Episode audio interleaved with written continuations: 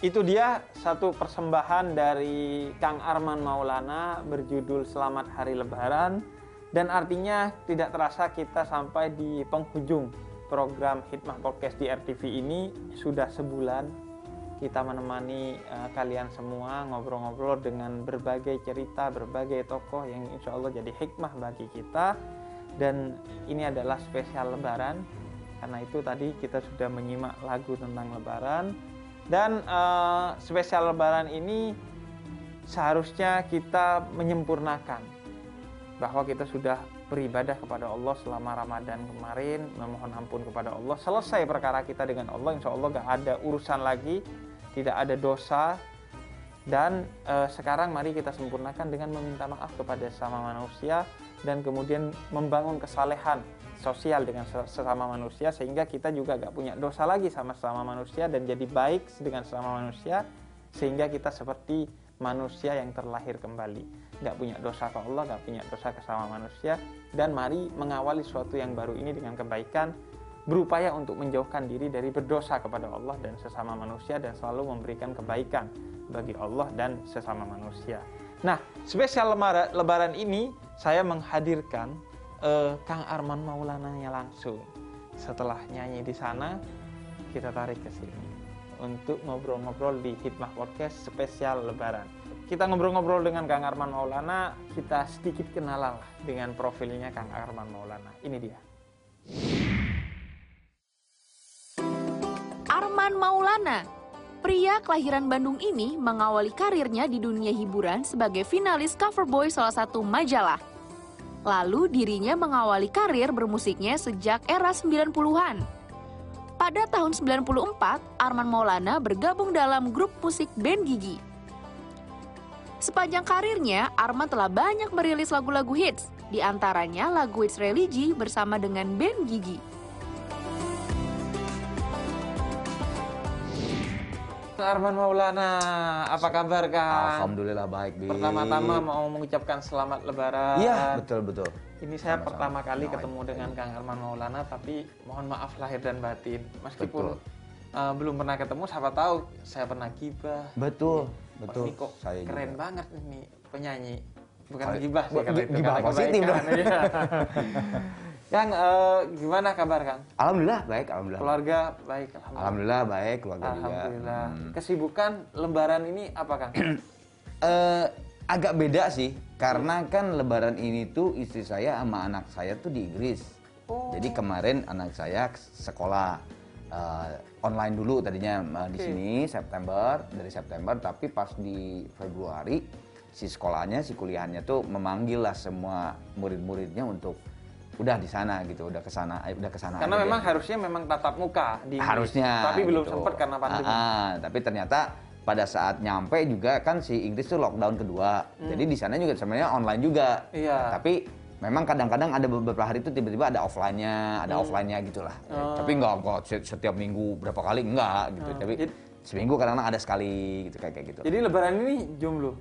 Uh, iya, tapi insya Allah sih setelah lebaran nyusul eh, iya, iya. saya ke sana. Oh, nyusul ke sana. Iya, saya nyusul karena Jadi, bentar. Kok bukan istri yang balik kan? Bukan Enggak, nah itu doang. tadinya tadinya uh, tadinya tuh mau pulang, cuman uh. tuh anak saya tuh pindah kos-kosan. Dari oh. jadi eh, kos-kosan aja lah kita iya, mau iya, ya. Di Inggris kos-kosan.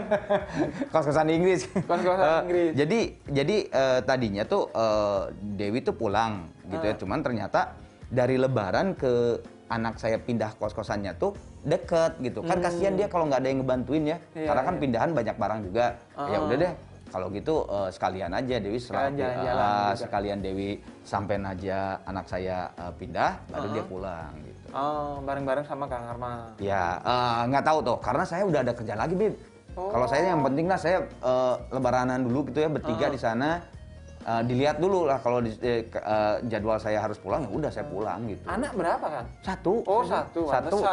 Uh, satu perempuan lagi. Udah satu gitu dia jauh lagi. Waduh, udah deh. Itu berarti karir awal tahun berapa kan? Karir awal sih sebetulnya saya bukan sama Gigi dulu, tapi saya solo dulu tahun 90. Oh kirain nggak sama Gigi sama Gusi. Iya, bohong lah kalau gitu. Jadi tahun 90. 90 itu solo? Iya, solo dulu tahun 90-an. Dari uh, festival atau gimana? Uh, saya tuh bener-bener bener-bener diberi berkah bangetnya uh, sama Allah Subhanahu wa taala. Jadi saya pindah ke sini karena saya kuliah di UI. Hmm. Nah, tapi pada saat waktu SMA itu Mas Benz Leo dulu dulu Mas Benz Leo itu satu-satunya wartawan musik yang paling disebut di mana-mana deh ya, yeah. karena emang Mas Ben orangnya tuh enak gitu ya, apa uh, low profile banget terus selalu ngebantu orang. Nah, dia ngelihat talent saya waktu hmm. festival band SMA sejawa Bali.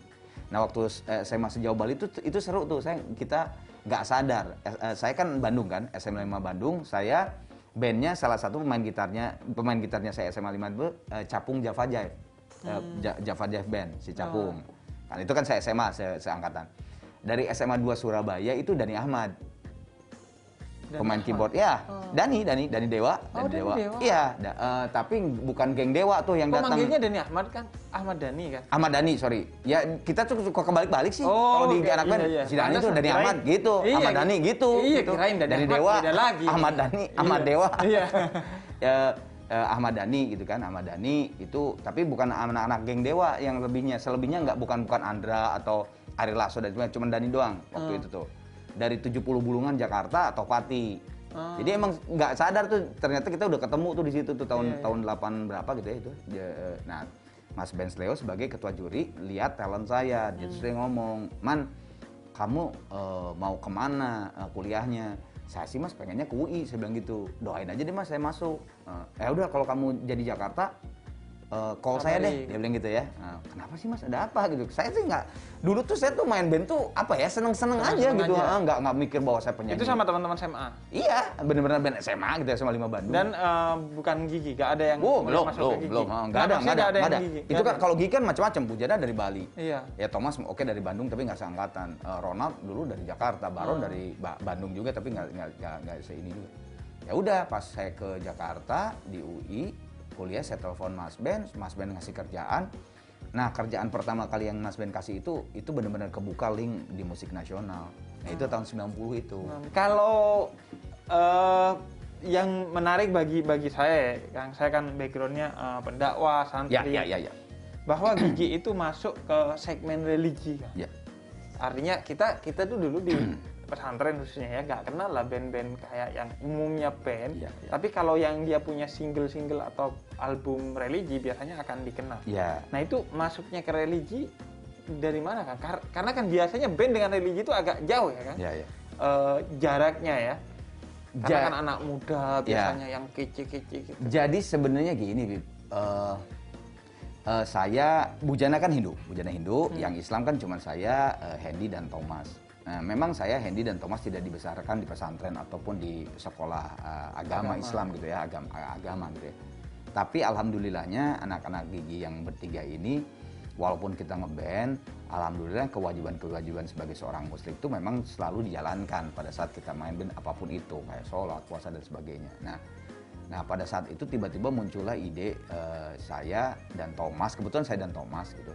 Uh, iya ya, lagu religi itu band terakhir Bimbo ya. Iya. Kita ngebahas gitu.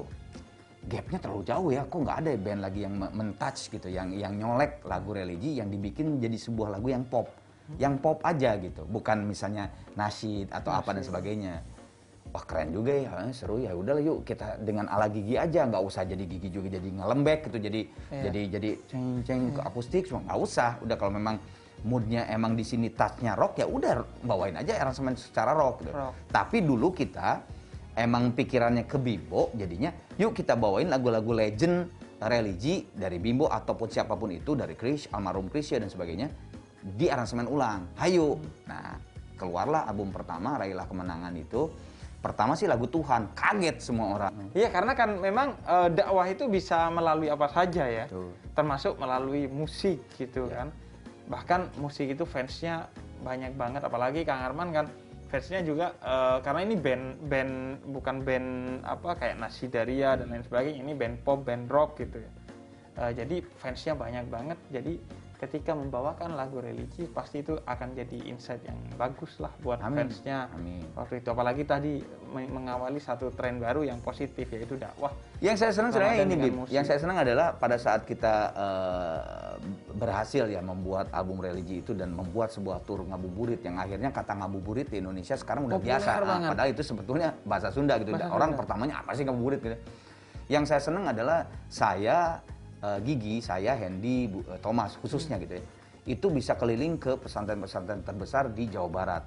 Kayak Suralaya, segala macam. Pokoknya Iya, iya. eh, karena waktu yang tur pertama itu kita main sebagian ada di pesantren dan itu saya senang banget ketemu dengan para ulama-ulama besar oh, buka bersama sholat taraweh bareng dan sebagainya Aduh, itu itu satu pengalaman yang buat saya begitu eh, sempurna dalam hidup saya gitu. Banyak ilmu yang didapat dari dalam agama gitu. Kang kita akan lanjut ngobrol di eh, selanjutnya nanti.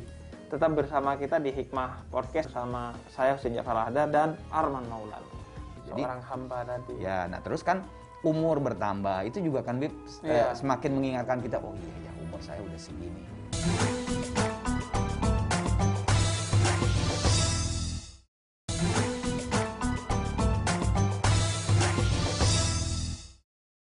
Ya kembali di Hikmah Podcast spesial Lebaran bersama Kang Arman Maulana. Kang tadi udah dibilang bahwa ngabuburit itu membawa kesan spiritual tersendiri. Betul. Ketemu para ulama, Betul. para santri mungkin Ya, ya, betul. ya, ke pesantren. Ya. Nah kalau lagu-lagu itu sendiri kan, atau kecenderungan spiritualnya Kang Arman tuh bisa cerita. Eh, ya sebetulnya sih eh, Anak band kan biasanya jauh dari gitu-gitu kan. Jadi gini, nggak tahu kenapa gitu. Mungkin pendidikan almarhumah ibu saya dan bapak saya yang memang mendidik eh, ibu saya dan bapak saya bukan dari eh, golongan eh, pesantren juga, Santri tidak gitu gitu, ya. santri atau apa enggak gitu. Tapi selalu me- menanamkan bahwa kita tuh diciptakan oleh Allah Subhanahu Wa Taala dan wajib berterima kasih kepada Allah, wajib kita bersyukur gitu. Jadi apa pun yang kamu lakukan, jangan lupa untuk melakukan kewajiban-kewajiban itu sebagai seorang muslim gitu. Hmm. Dan itu buat saya sangat tertanam dari kecil gitu. Nah, jadi eh, privilege-privilege yang saya dapatkan sebagai Arman Maulana eh, sebagai penyanyi gitu ya. Buat saya itu adalah hanya- hanyalah se- sebuah pekerjaan aja, Bib. Hmm. Gitu. Jadi ya udah ini pekerjaan gue ini, tapi eh, selebihnya kan kehidupan itu kan tidak main band terus. Main band paling Iya. cuma di panggung satu jam, paling lama sa- dua jam anggap gitu ya. Masa sekian jam lagi main band dulu kan enggak Iya, kan? iya. Ya selebihnya pada saat turun stage ya menjadi Arman Maulana yang dididik oleh orang tua saya seperti apa gitu. Jadi Seorang hamba tadi. ya, nah terus kan umur bertambah itu juga kan Bib, eh, Iya. semakin mengingatkan kita oh iya ya umur saya udah segini. Hasil lu apa sih gitu Iya. di, di dunia ini terus nanti kan akhirnya juga kita kan meninggal mau bawa apa mau bawa Iya. gitar mau enggak juga gitu. Nah itu kan eh, perjalanan-perjalanan itu dan eh, yang akhirnya eh, wah iya yuk kita bikin sebuah lagu eh, apa sebuah album religi yuk gitu. Paling tidak kita ada syiarnya juga dan sebagainya. Jadi ya ya perjalanan-perjalanan itu sih sebenarnya. Ketemu dengan guru-guru ketemu dengan ustadz-ustadz ketemu dengan orang-orang sambil ngobrol dan sebagainya. Itu semua ilmu-ilmu yang saya dapatkan itu ya sambil saya lakukan. Tadi kalau eh, Kang Arman bilang nanti kalau mati mau bawa apa? Mau bawa gitar, saya kok jadi mikir ya iya emang bawa gitar gitu. Artinya jalan menuju surga itu kan eh, banyak sekali. betul Tidak mesti kemudian dari mimbar gitu. Tapi orang bisa masuk surga ya karena gitar. Artinya ketika gitar itu digunakan untuk dakwah ya, ya akan ke surga bawa gitar gitu. ini sama kayak ini Bib, kayak eh, apa eh, ke akhirat tuh bawa uang iya bawa uang benar nggak Iya, kalau uang uangnya sedekah. digunakan di sini bersedekah membuat eh, masjid membuat Iya, betul, dibawa betul. loh uangnya Iya. maksudnya amal uangnya itu dibawa ke Iya, akhirat, betul. Begitu juga tadi gitar, drum dan lain sebagainya. Amin, amin. Itu insya Allah jadi jalan kita lah ke surga gitu. Setiap orang punya jalannya masing-masing sesuai dengan eh, amalannya. Nah, eh, kita akan lanjut di sesi selanjutnya bersama Kang Arman Maulana ngomongin tentang dunianya Kang Arman. Ya, kita akan lanjut di sesi selanjutnya di Hikmah Podcast spesial Lebaran bersama Kang Arman Maulana. Eh, karena kayak digampar, bener-bener kayak digampar. Maksudnya Allah tuh betul-betul memberikan sebuah ujian buat kita gitu.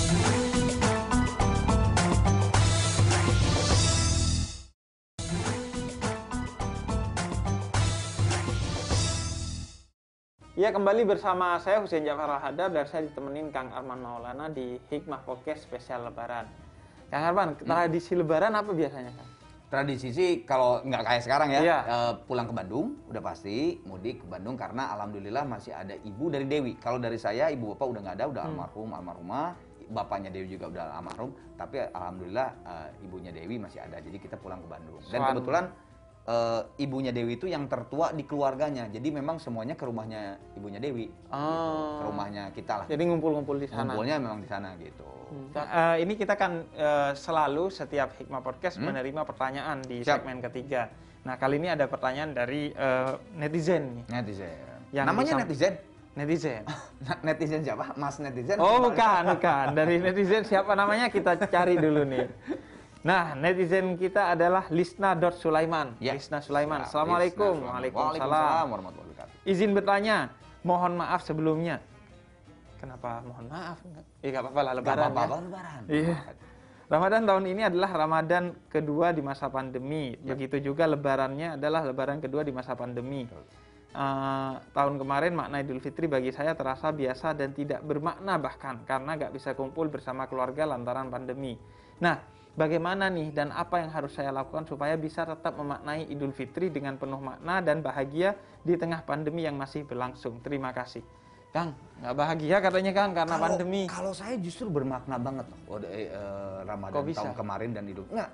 Eh, karena kayak digampar, bener-bener kayak digampar. Maksudnya Allah tuh betul-betul memberikan sebuah ujian buat kita Hmm. gitu ya bahwa nih saya kasih pandemi deh gimana cara kadang-kadang karena kita tuh sebagai umat muslim sebagai umat Islam eh, apalagi umur saya sudah 50 gitu sekarang 50 tahun saya sudah mengalami eh, Ramadan anggap Iya. 50 kali berarti gitu ya anggap 50 kali ketemu dengan lebaran Eh, itu tuh jadi udah kayak biasa gitu ngerti nggak sih Iya, udah kayak iya. biasa aja gitu Biasa udah aja. ya, puasa lebaran gitu gitu Ya, semakin tu- eh, berumur kita biasanya semakin biasa Iya, dengan karena lebaran. kan karena karena kayak re- re- repeater gitu Iya. kan, repeat repeat biasa. Nah, nah pada saat kemarin itu ta- Bib, saya betul-betul sedih banget gak bisa ke masjid.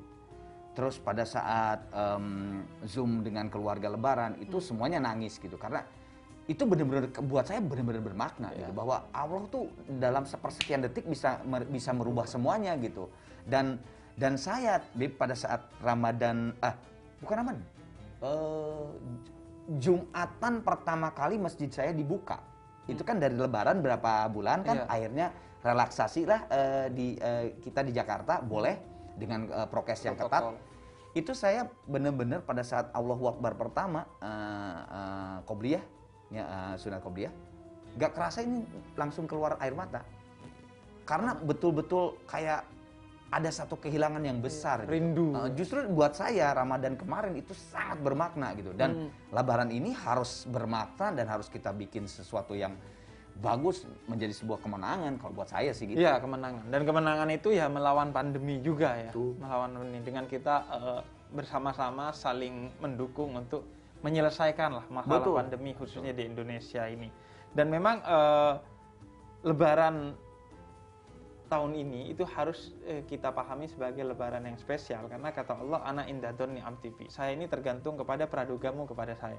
Kalau kamu nganggap lebaran ini buruk ya jadi buruk Jadi beneran. buruk, betul. tapi kalau kamu anggap ini spesial justru ini akan menjadi lebaran yang spesial, bagi kamu. Apalagi kan eh, ini sesuatu yang nggak didapat oleh banyak orang. Artinya ini ujian besar bagi kita dan kita dipilih karena berarti kita orang yang kuat, yang mampu dan besar sekali pahala yang Allah sediakan bagi kita setelah nanti kita melewati lah pandemi ini dengan sabar. Justru kalau nggak sabar ya pandeminya juga tetap Betul. nggak dapat pahala tapi Iya, kita iya, rugi benar. dua kali, Rugi buntung dua kali, tuh. buntung dua kali itu ya. Untung dua kali itu. Nah, jadi eh, alhamdulillah berarti kita sudah sampai ke lebaran Kang Arman. Kita ini sudah 30 episode menemani eh, sahabat RTV semua. Sahabat eh, Hikmah Podcast udah banyak sekali bintang tamu yang kita hadirkan Insya Allah semua menjadi inspirasi dan tak Amin. terasa sekarang jadi eh, sudah sampai ke Lebaran di Hikmah Podcast spesial Lebaran dan kami dari segenap kru RTV khususnya kru Hikmah Podcast mau mengucapkan mohon maaf eh, kalau ada kesalahan selama satu bulan ini selama Ramadan sampai spesial Lebaran kali ini dari tayangan kami, saya sendiri sebagai host juga mau mengucapkan mohon maaf kalau ada kesalahan. Tentu namanya manusia, namanya lagi ngobrol podcast pasti mungkin ada yang salah atau mungkin nggak salah tapi kurang berkenan bagi orang mohon dimukakan pintu maaf dan secara umum kami dari Hikmah Podcast secara khusus dan secara umum dari RTV mau mengucapkan minal aidin wal faizin mohon maaf lahir dan batin dan selamat lebaran. Jadikan lebaran ini spesial berbahagia dan berbagi kebahagiaan kepada orang lain. Sampai jumpa di Hikmah Podcast eh, tahun depan. Insya Allah, Insya Allah, insya Allah. Uh, kita akan kembali bertemu insya Allah dalam keberkahan umur dan kesehatan. Dan jangan lupa ini masih lebaran di masa pandemi teman-teman. Jadi eh, semoga kalian tidak mudik. Kemudian semoga kalian juga eh, tetap bersilaturahmi tapi tidak mesti tatap muka. Karena silaturahmi itu intinya tersambungnya hati dengan cinta. Via telepon nggak apa-apa bahkan nggak punya pulsa ya dengan mendoakan itu sudah silaturahmi. Ya jadi eh, kita tetap eh, indahkan prokes. 5M itu menjaga jarak memakai masker mencuci tangan menjauhi kerumunan dan mengurangi mobilisasi dan interaksi kalau bisa ya tambahin 1M melakukan silaturahmi Ah, ya, atau membahagiakan orang lain karena kayaknya ini lebaran bisa banyak M deh. bisa karena M-nya Pokoknya itu kata M kerja. Melakukan, Karena- Iya, memberi. melakukan, memberi semua M bisa. Jadi eh, ya pokoknya semua M yang positif Ya. eh, kita lakukan lah. Ya. Dan semoga ini jadi eh, perpisahan sementara kita untuk ketemu di tahun depan dan semoga tetap panjang umur dalam keberkahan dan ketaatan kepada Amin. Allah karena itu mari jaga kesehatan kita dan kesehatan orang lain dengan kepatuhan kepada 5M tadi. Ya. Terima kasih Kang Arman Maulana, selamat Adik lebaran. Salam Sama-sama. buat keluarga. Siap. Kemudian terima kasih semua kru yang sudah satu bulan ini menemani kita. Mohon maaf lahir dan batin dan selamat lebaran buat semua pemirsa. Saya Husin Ja'far Al-Hadar dan Kang Arman Maulana kita pamit undur. Wassalamualaikum warahmatullahi wabarakatuh.